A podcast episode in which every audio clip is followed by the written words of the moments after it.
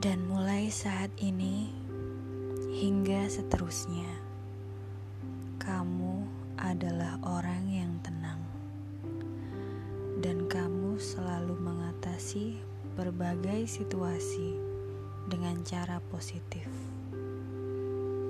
Dan saran baik ini, ide yang bagus tentang kamu, seorang mengatasi situasi dengan jalan positif. Sekarang, rasa ini tumbuh semakin kuat di pikiranmu, menjadi semakin dan semakin nyata bagimu setiap hari,